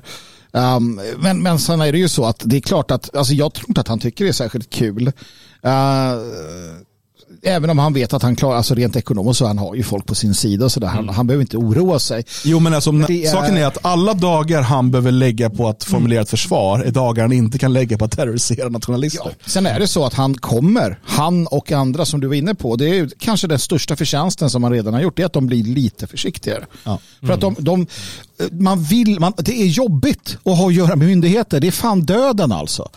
Att, att bli stämd, det är så här, åh. Att, stä, att stämma är också, åh. för att du ska hålla på. Eh, så därför är det bra att, eh, att eh, förtalsombudsmannen finns, för de gör det jobbiga åt dig. Så att är du inte en offentlig person och råkar illa ut på det sättet från vänstern eller andra, hör av dig till dem. Absolut, och stötta om du kan. Det, det, det är min... eh, jag, hade, jag hade fel, de hade rätt. Det är skönt att få säga det ibland. Det var första gången i mitt liv. Karn får ju också smaka lite av uppenbart obehag. Han tycker med när Petersson som står där och några till som ställer de här frågorna och de håller på med sina klickande kameror som han har gjort tusen gånger. Eh, så, eh, uppenbart att han tycker att det är obehagligt där. Tänk det här, och det här är, måste vi förstå. Mattias Våg har under hela sitt liv Gömt sig. gömt sig och stått på den vinnande sidan. Han har alltid kunnat liksom Mm. ha etablissemanget i ryggen och så. Nu ser han att, vänta nu, vart är mina, vad är mitt AFA-band? Vad är mina liksom Mm. huliganer? Vad är mina de som skulle göra allting? Han kommer dit själv och, och, och där står ett helt gäng och de, han, han ser hur oppositionen då, de han har hatat och kämpat emot i alla år, bara väller på. Riksdagen med SD, alltså hela hans livsverk. Mm. Det, det, finns ju inte, ingen bryr sig nästan längre. Nej, det, han, Tänk dig han, kan fort, han kan fortfarande fakturera Aftonbladet och Brand och vilka det nu är för sina artiklar. Det men han. mycket mer än så är det Och inte. jag tror, men jag tror också att han är inte bara ute efter det, utan han, han mår dåligt för att han ser, han är, han är övertygad. Tänk Ja, ja absolut. liksom- jag, det jag har läst och hört honom så är han ju eh, som ideologiskt skolad. Ja, och ja. liksom det, som, återigen, han är varken inkompetent eller Nej. dum eller någonting sånt. Det är inte det. Tänk dig hur han mår nu när han ser det här, när han ser att det går bra för oss. Och hans, hans sida tappar mer och mer och mer. Han mår dåligt. Mattias Våg, ta hand om dig. Ja. Cykla inte omkull bara. Jag tror du behöver tänka på något trevligt. Trotskij. Nej, Ja, men det skulle kanske vara bra för honom att, ehm, han har inte så många år kvar. nej. Eh, det är inte ett hot utan det är bara ett konstaterande av hans ålder och eh, livsföring. Eh, och, så att, fan, unna dig några år, ta det lugnt, ta playan. Kuba. Ja, Kuba för fan. Kuba, ja. Kuba, lev, lev socialistiska drömmar ett tag. Ja. Fan vad nice, sitta på stranden i Kuba och röka cigarrer och dricka. Ja, men här, då kan han göra det han alltid har gjort. Han kan leva då den socialistiska drömmen som en kapitalist. Ja, precis. Jag tror säkert de skulle ta emot honom med öppna armar och så här. Fan, det är en riktig så här kämpe från Europa. Ja. Eh, bara ett resetips så här i all välmening. Hörrni, eh, mest diskuterat senaste dagarna har utan tvekan Lena Anderssons eh, ledarartikel i Svenska Dagbladet varit. Och här eh, har folk rasat, inklusive Mattias Våg. Jaså, han blev arg också. Han är också arg på det här. Aj. Fick han inte, är han hungrig? Har inte råd med havregryn eller hur var det? Det, och det här är väldigt intressant för att det är att, vi ska kolla på lite på en debatt sen, men att försöka se de här två sidorna debattera, du vet, det är som att de befinner sig i olika sfärer, olika verk, de pratar inte ens om samma sak. För att det som Lena Andersson tar upp i sin då, eh, av många utskällda av andra hyllade eh, ledarartikel i Svenska Dagbladet, eh, Eh, det hon ehm, tar upp där det är att det finns en retorik nu ifrån oppositionen. Att barnen i Sverige är hungriga. De går hungriga till skolan, de äter mycket mer på måndagar och fredagar för att de får ingen mat hemma. De har, det är massa familjer i Sverige som inte har råd med mat. Hon skriver här, detta fick Socialdemokraterna på första maj lägga fram ett skugglöfte om kommunal sommarlovslunch. Allt för att inskärpa att när de styr landet får barnen mat. Under ett sekel har alltså arbetarrörelsen tämligen ostört byggt ett samhälle där man inte har kommit ett steg längre bort från den punkt där man började. Nu som då hungrar barn och måste ha hjälp av fattigvården med ett mål mat. Inte ens världshistoriens mest ambitiösa reformism räckte för att avhjälpa misären. Sen vänder de på det här och menar, men är det verkligen så att barn hungrar i Sverige? För att det hon gör är att hon tar ordet hunger, vad innebär det? Och är det verkligen barn som hungrar i Sverige? Och om det nu är det, vems fel är det? Och hennes poäng är att det är inte politikens fel i sådana fall, det är föräldrarnas fel. Och det får man inte säga till en vänstermänniska. Va? Eget ansvar! och det som många har fastnat på då, det är att hon då eh, tar upp att det är billigt att äta sig mätt. Återigen, vi pratar inte eh, i första hand gott, om det är det som är poängen, eller att du liksom kan äta lyxigt. Men att äta sig mätt är billigt och det är liksom hennes poäng. Eh, och det har alla råd med i Sverige. Eh, hon skriver så här, i grönsaker finns knappt några kalorier vilket gör dem irrelevanta i relation till hunger. Och nu är det hunger det talas om, inte vitaminbrist, inte näringsinnehåll. Vilket vi inte heller, alltså, eller det har vi väl på sitt sätt, men det är helt andra Ja, orsaker. precis. Och vi kanske kommer dit. Hon skriver, hunger avhjälps genom mättnad som kommer av energi, främst från stärkelse och fett. De är fortfarande mycket billiga livsmedel. Det finns inte en vuxen i Sverige som inte har råd med ris, mjöl, jäst, potatis, baljväxter, lök, havre, couscous och utöver det ett äpple om dagen. Och så går hon igenom då, liksom hur billigt det är med ris och så vidare. Alltså att bli mätt har alla råd med i Sverige. Och vi ska kolla sen på liksom debatten och läsa lite svar och sådär. Men det är ju ingen som faktiskt förstår vad det är hon säger här. Utan eh, det är inte så, jag, jag tolkar inte att Lena Andersson säger att det enda de här, de här arbetarna behöver, ge dem en säck ris så klarar de sig. Utan det hon säger bara att det är lögn och förbannad propaganda att påstå att man hungrar i Sverige för det går att mätta sina barn i Sverige. Och om, om man hungrar så är det på, på, på grund av att då föräldrarna inte, eh, eller andra som är vårdnadshavarna, inte eh, ser till att de får mat. För att det går att få barn att inte hungra. Det, det är lite autistiskt, men det är också det man måste vara när man har att göra med politiker som snackar skit.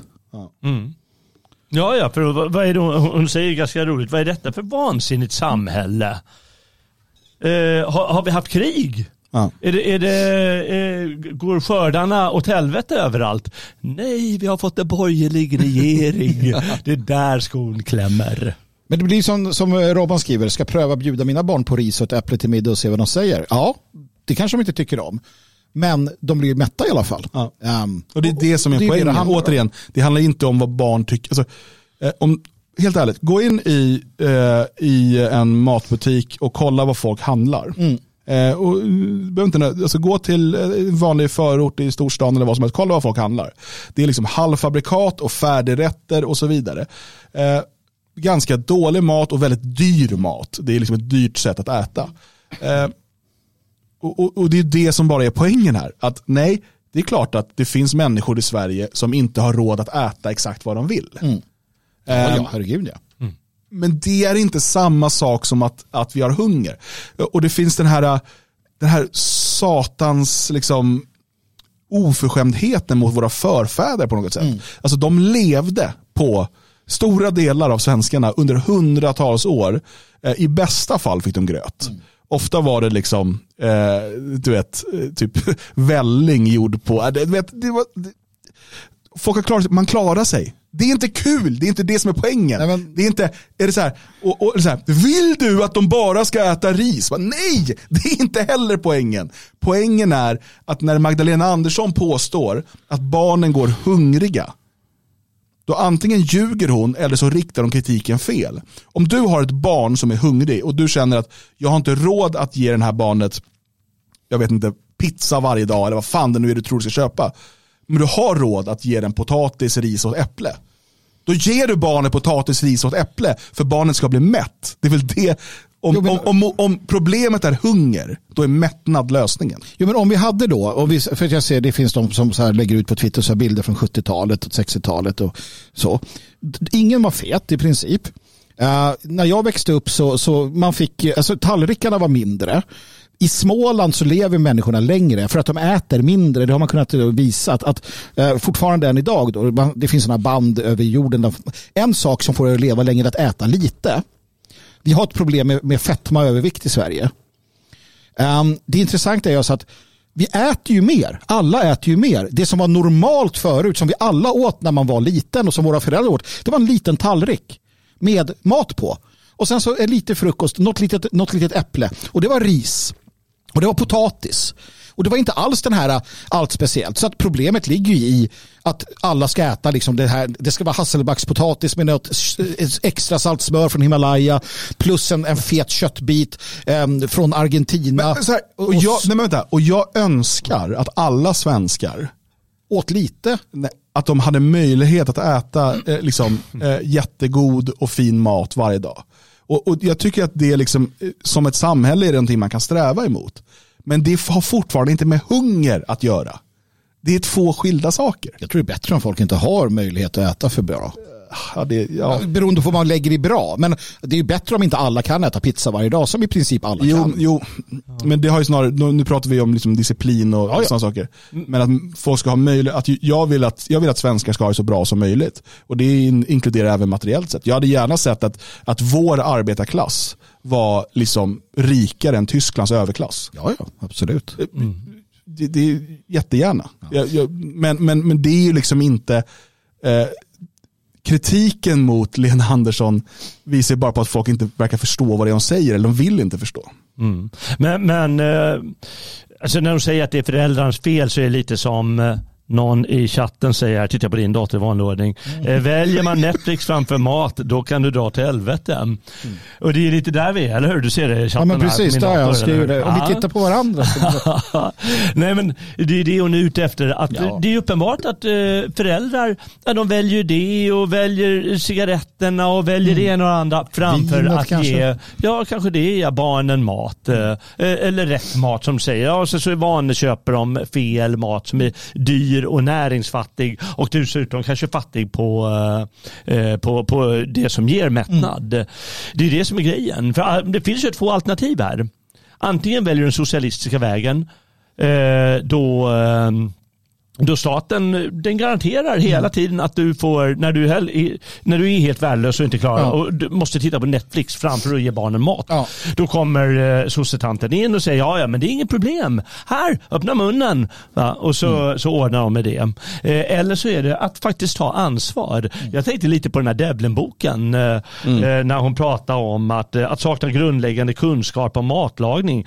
Det är något annat än att inte ha råd med mat. Eh, och han pratar om det, liksom att, ja, men, och där pratar han om kvinnorollen framför allt. Va? Eftersom det är männen som eh, ordnar med inkomsten oftast. Ja men då måste ju hon lära sig de kvinnliga dygderna. Att eh, köpa rätt mat, att Ja, eh, köpa för dyr mat, att eh, eh, skapa näringsrik och mättande mat och så vidare. Sko- slopa Netflixen när det är lite, när kassan sinar Mm. och så vidare. Det måste hon göra. Men hon säger också väldigt bra i, i ett svar på en av, hon har fått så mycket kritik för det här, men i ett av svaren Eh, så säger hon på slutet, de pratar, eh, det skulle vara avhumaniserande det hon säger mot de som faktiskt inte har råd. Fastän hon har bevisat, ja men havre och ris och, och eh, mjöl det kostar ingenting i stort sett. Du har råd med det, alla har råd med och alla kan tillaga det. Annars får de pengar av SOS om de inte har. Så enkelt är det. Men då säger hon på slutet, för alla övriga som har råd med billiga livsmedel men enligt uppgift ändå har hungrande barn måtte det enda raka vara ett samhälle där staten, kommunen köper in, lagar och serverar all mat. Frukost, lunch, middag och mellanmål tala om avhumanisering. Alltså avhumaniseringen Det vill säga är ju... att människor inte klarar av att göra, klarar inte av att gå på toaletten för guds skull. Hånet, hånet ligger också i, som du var inne på Dan, med förfäderna eller så här, våra Mm. äldre generationer. När den här feta apan i, i Aftonbladet. Fan, de som, tänk dig de, Ja, i, framförallt i Sverige, men, eh, men även i andra länder i Europa här som överlevde krigsåren. När Mm. hon skriver i sin artikel att hon inte gillade havregrynsgröt och att den slängde hon eller tyckte var äcklig. Mm. Eh, ja, alltså, det får man ju göra. Men å andra sidan, havregrynsgröten är ju väldigt bra. Men, men är det någon som tror att liksom, eh, svenskar i hundratals eller tusentals år åt den här vällingen och, och avkoket i, i flera dagar för att, för att det var gott? Att det Ja, var det nej, som men- de såg fram emot? Men sen, sen är det alltså gröt med, med smör och, och Ja, men det, är ju, det smakar ju bra. Jag vet inte vad de har för också, vad har de för liksom paletter och referensramar.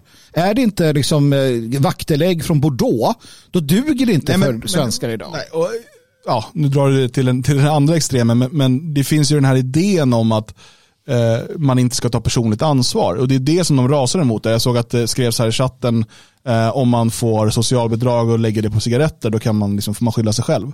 Eh, och det, där, det var ju en, eh, för några år sedan, om det var ett tv-inslag eller en... Uppdrag granskning? Ja, var, precis. Och då, då ifrågasatte de ju varför hon, om inte hon borde sluta röka då, ifall Ja. hon inte har liksom, nog med pengar till mat eller vad det nu var.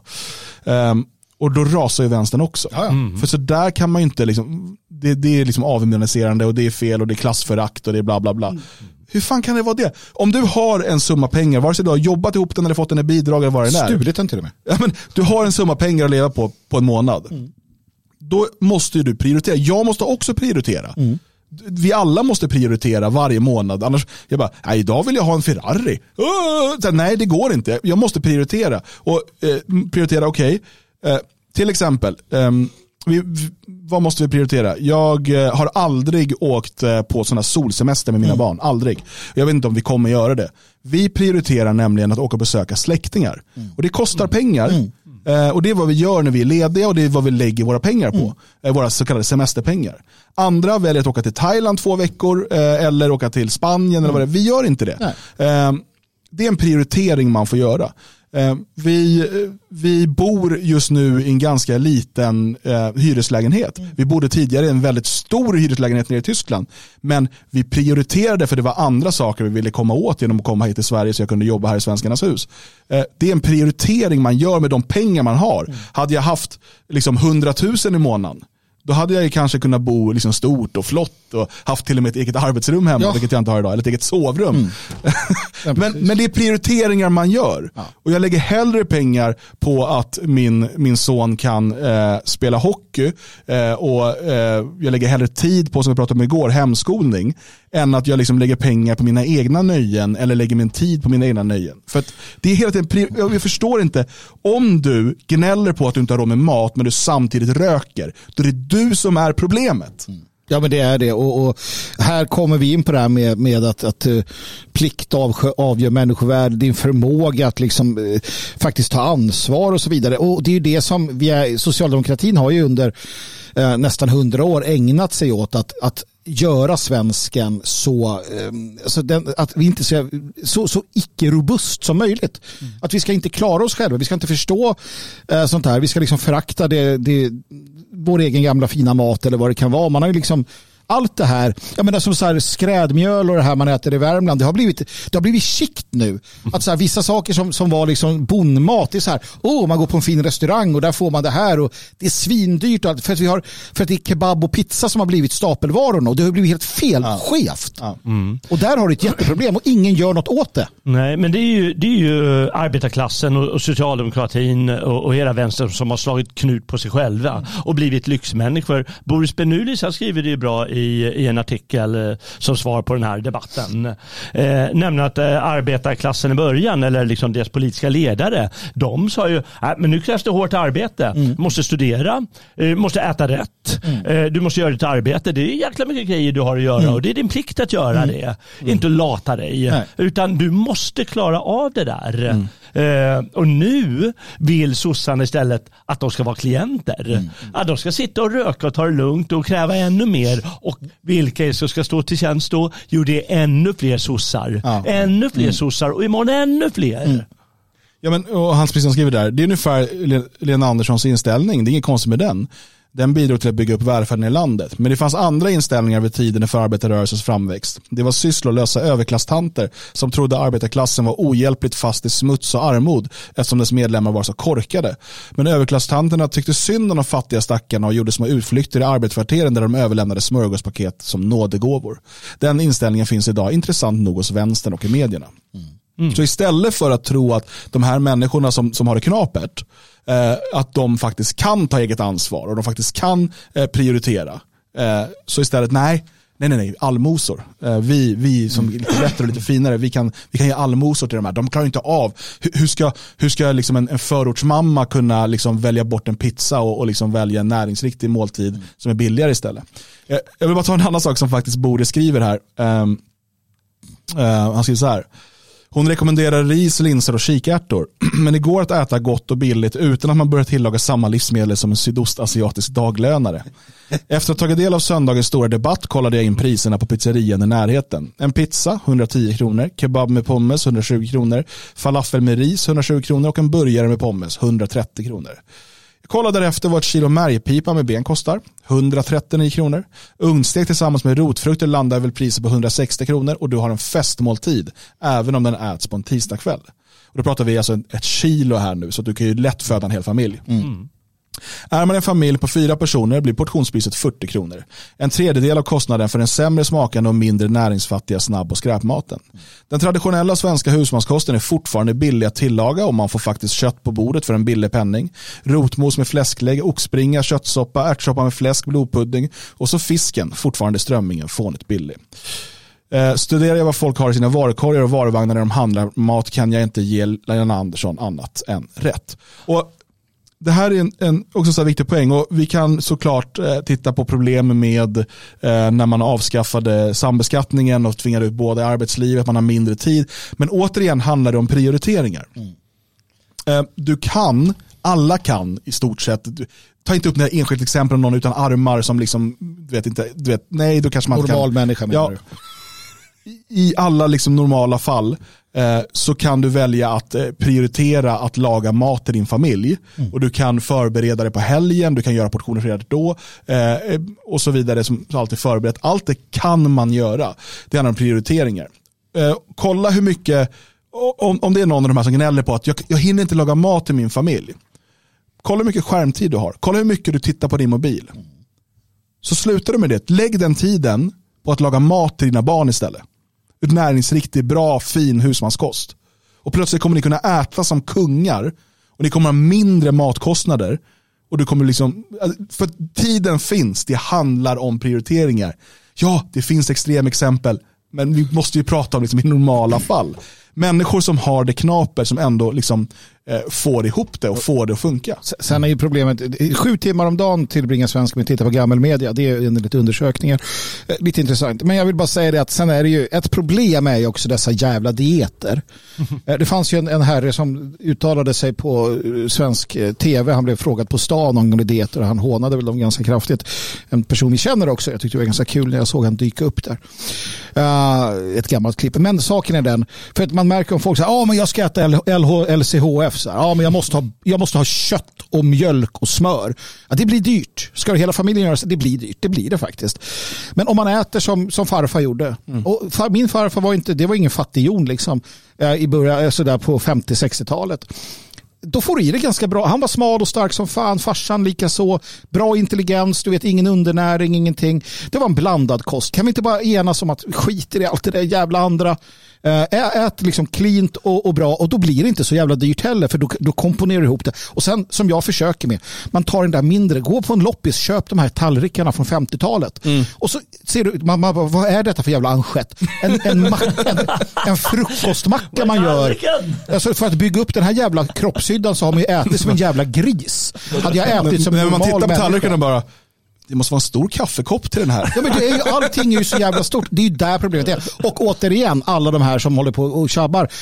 Problemet i Sverige är ju fettman. Problemet är att ungarna blir feta som grisar. Det är kultingar som går runt. Och, Ja, och, det är ju där... Det är ju Sen finns det klassiska tips. Vi kan ju bara ge dem, för det är säkert många av våra lyssnare som, alltså, fan, man får ju väl alla vända på liksom öronen eh, då och då. Eh, Okej, klassiska tips. öl. Ja. Eh, drick öl, skit i maten. Det är mitt tips. Eh, veckohandla eller storhandla. alltså planera vad du ska äta i förväg. Eh, för det är mycket mindre risk att du impulsköper skit och så. Du är mycket mindre i affären vilket gör att du köper mindre sånt. Eh, planera eh, och gör liksom veckoinköp eller månadsinköp om du kan. Håll dig till dem sen liksom. Ja, ja. och eh, titta på sånt med, om du behöver spara pengar, kolla efter sånt med röd etikett. Eh, matsmart.se är ett intressant alternativ. De säljer ju då sånt som butiken har gjort sig av med. Det är inte, inte gammalt eller dåligt, det är bara att de inte längre ska sälja det. Och det är mycket billigare än att köpa det i affären. Och konserver är okej. Ja, ja, absolut. Fan, sluta nu Eh, liksom. det är, det, och där kommer det nya erbjudanden hela tiden. Jag bara tittar, ja, vi är inte sponsrade av de här liksom. Eh, men men och det, liksom, det kan ju vara mycket skräp och godis och sånt också. Men det kommer även upp liksom stapelvaror, Ja. eh, kött, allt möjligt som, som man då eh, kan köpa därifrån. Det, finns, det finns massa sådana här möjligheter att spara pengar. Men, men planera, laga från grunden. Och jag menar, när man väl har lärt sig till exempel göra en egen eh, buljong, eh, det är inte svårt, eller en fond. Eh, och tillfredsställelsen av att använda den istället för en buljongtärning, inte bara att det blir godare och prisvärdare i längden, eh, bara att veta att jag har gjort den här. Det är, för mig, jag, jag tycker det är en sån jävla härlig känsla. Ehm, och det går. Eh, medan du lyssnar på det här programmet, vi kör en och en halv timme idag. Under den tiden hade du kunnat laga ordentlig mat. Du hade kunnat ha hörlurarna på eller eh, liksom lyssna på högtalarna och lyssna på det här programmet. Under den tiden hade du kunnat eh, ordna en riktigt schysst mat till din familj. Allt är möjligt. Jag ska vara lite mallig. Jag, jag försöker få min son att eh, uppskatta matlagning. Jag tycker en karl ska kunna laga mat. Um, och han har fått pröva lite enkla saker. Igår så köpte vi hem så att det, det gick att göra en eh, eh biff stroganoff. Och sen så eh, visade jag receptet och så, la, så, så, så, så alla grejer finns i köket. Eh, det tar 30 minuter ungefär. Nu går jag härifrån. Klarar att laga den här maten. Och jag kom tillbaka efter 20 minuter. Han höll på. Det såg ut som ett bombnedslag. Men han, han städade undan allting och så. Och jag åt den där eh, biff stroganoff. Det var så jävla gott. Alltså det var så jävla gott. En stor, jag har sett den till lunch nu också. En stor liksom gryta. Hur mycket mat som helst. Det var ganska billigt kött. Du behöver inga, gör du grytor, du kan slänga i vad skit som helst. Fettet kokar bort och senorna blir liksom möra och fina i princip. Eh, han, gjorde, han är 13 och det var bra mat. Det, det går ganska enkelt. Kan en 13-åring, liksom, vad fan, kom igen nu. Ja, det är det. Och som du sa snyggt där förut, eh, problemet är inte hunger, problemet är ju fetma. Ja. Ja. Så det är det man ska ge sig på. Och det står alltid lite förrädiskt, för, för den här artikeln står nästan alltid som Lena Andersson, hungriga barnen är det föräldrarnas fel. Men den har faktiskt ett kommatecken och en fortsättning, inte Ulf Kristerssons. Mm. Och grejen är att det här är ju en politisk inlaga som vill visa, som hon, vill säga, som hon säger, den ohediga retorik, retorik, här låter som en indier, eh, som har uppkommit i kölvattnet av att priserna höjts lite och att vi har en borgerlig regering och att eh, då sossarna sig chansen och hela gänget i tidningarna köttar på och eh, hugger till höger och vänster om att det är så orättvist och, och de hungrar. Först var det paprikorna skriver hon och sen var det något annat, tomaterna och sen så hungrar folk plötsligt för att ett par varor har gått upp i pris. Ja, men så här, Men sen finns det en sak, en liksom. sak jag ska lära mig. Men Jag kan lite grann men jag ska bli mycket bättre som jag vet att Jalle är bra på. Det är att börja baka mitt eget bröd. Ja, men det är bra. Gör det? Det gör du rätt ofta. Ja, då. Ja. ja. Men det är ju för att det är så mycket socker i och för att det är så jäkla fluffigt. Ja. Det är ju inte bröd. Nej. Vill du ha det här stabbiga, Men måste jag ha, nej, men om, du, liksom. om, du, eh, om du eh, knådar ett bröd, då blir det segt. Ja, ja, nej, men jag Istället menar för att det blir liksom fluff. Det blir, alltså, bröd kan ju vara bra mat. Alltså, det kan vara, ett bra bröd ersätter ju ibland, liksom, du behöver inte ha potatis. ja, om du inte bröd. gillar gröt, då är ju baka bröd istället. Ja. Ja, jag menar, Rom byggde hela sitt imperium på bröd och vin. Bröd och vin, ja. Fan, liksom så att eh, Jesus Vad tror ni om Patriks tips i chatten här? Socker på knäckebröd. bröd. Jag läste, det var, jag såg ju någon sån där guru, han sa det, du blir inte, det blir inte tjock av socker, det är ingen fara. Uh, han, någon Navy Seal. Nej, det är säkert sant. Eh, jag tror att allt handlar om proportioner. faktiskt. Jag hade aromat på bröd när jag växte upp. Eh, Eva-Marie är på att man ska äta efter säsong. Eh, Och det, det är helt sant. Det, det, jag menar, om du speciellt tittar på frukt och grönsaker, om du inte märker vad som är säsong, eh, eller om du inte vet det, så märker du det om du kollar på priserna. Ja. Men sen så här, paprikan, alla tjatar om paprikan. När kom paprikan till Sverige? Ja, det Jag har för mig att det är den som, som dök upp någonstans på 50-talet. Ja, sen. Det var ingen jävel som käkade paprika innan. Nej. Eh, och så Ja, vidare. Den är och så inte livsnödvändig Nej. för, ja, det, det, ja, nej, Nej. precis. och det finns ju mycket sånt som, som inte är så här, man, går man och tittar i butiker, du vet alla möjliga konstiga grejer från en jävla sjögurka som ligger och skvampar och man så fan ska med den här till, du vet. Och hon skriver man kan äta lök. Ja. men hon har det en av ingredienserna och lök innehåller jättemycket så här C-vitamin och andra grejer du behöver. Käka lök för fan. Dan, berätta, du, vi pratade ju om det igår, du, du förklarade ju Babbe. Ja, Babbe man har ju undrat fan. hur eh, liksom, eh, typ araber och så här, hur de kan leva på så lite pengar. Ja. För ofta, jag vet att folk tror att de lever fett på socialbidrag och sådär. Eh, många av dem jobbar jävligt mycket eh, och tjänar inte så stora pengar. De bor ganska trångt i lägenheter och sådär. Man så här, undrar, hur föder de liksom sina barn? Och sen har man sett när de går och handlar. Det är så här- Det är så här 50 kilo säck med lök. Och så, ja, men så är det typ lök och ris och du vet. Och sen någon bland så slänger de in en del av något lamm eller någonting. Ja. Liksom. Men det är verkligen, det är ju det de handlar. Man ser och det, och det är ofta så här, du kör om grytor, storkok, Ja. du vet. Och, ehm, de, men det, jag vet inte, vi har ju blivit eh, bortskämda. Det Eh, är väl lite så. Det Förslappade. Ja, ja, visst. Nej, men så är det absolut. Och jag menar, eh, om barn inte gillar de här olika smakerna, det är för att man inte har liksom gett dem maten. Alltså, det, det här att börja äta den där jävla barnmaten och skit, eh, eh, från, alltså att, att försöka göra, och växa upp med rätt mat, då kommer du gilla det. det. Så är det ju. Fan, potatis är det bästa som finns. Och så sluta vara sån där jävla fascist som bara, nej potatis är jättefarligt, du ska äta den här typen av... det med fascister att göra? Nej, jag ingenting såklart. Jag bara använder det som ett skällsord. Jag gör det ibland. Jag har rätt att göra det för att jag är fascist. Mm. På sveating.se finns det texter, podcast, eh, ljudböcker och e-böcker. Det är något. Ja, det är så jävla bra så det är fan inte klokt. Eh, och eh, nu finns ju hela Fästning Europa som, eh, som ljudbok där för dig som är tingsman. Det finns också väldigt mycket att läsa och lyssna på för dig som inte är prenumerant, men ännu mer för dig som är prenumerant. Eh, och gå gärna in på sveating.se och skriv upp dig på antingen en, en gratis eller en betald prenumeration beroende på vad du vill ha tillgång till. Så kommer där fina uppdateringar, ja dagligen. Ja, så en ljudbok kommer ju på söndag. På söndag Kommer- börjar börjar eh, det nästa. kommer första kapitlet på nästa ljudbok. Vet vi vad det är än? Är det hemligt? Det är hemligt. Ja. det är spännande på söndag. Ja. Håll, håll utkik.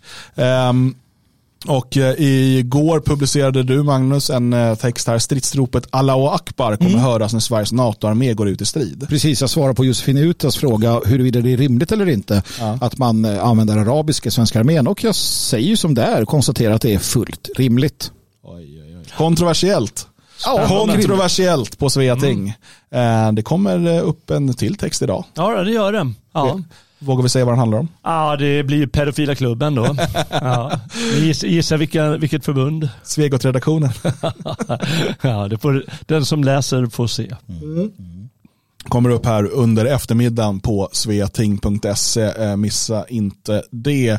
Nu eh, tänker vi ta avrunda eh, dagens sändning. Vi är tillbaka imorgon med ännu en direktsändning klockan 10.00 live på YouTube och Odyssey och D-Live och Spreaker. Yes. Eh, och har du inte gjort det som sagt, in och boka in det nu till lördagens begivenheter i Stockholm.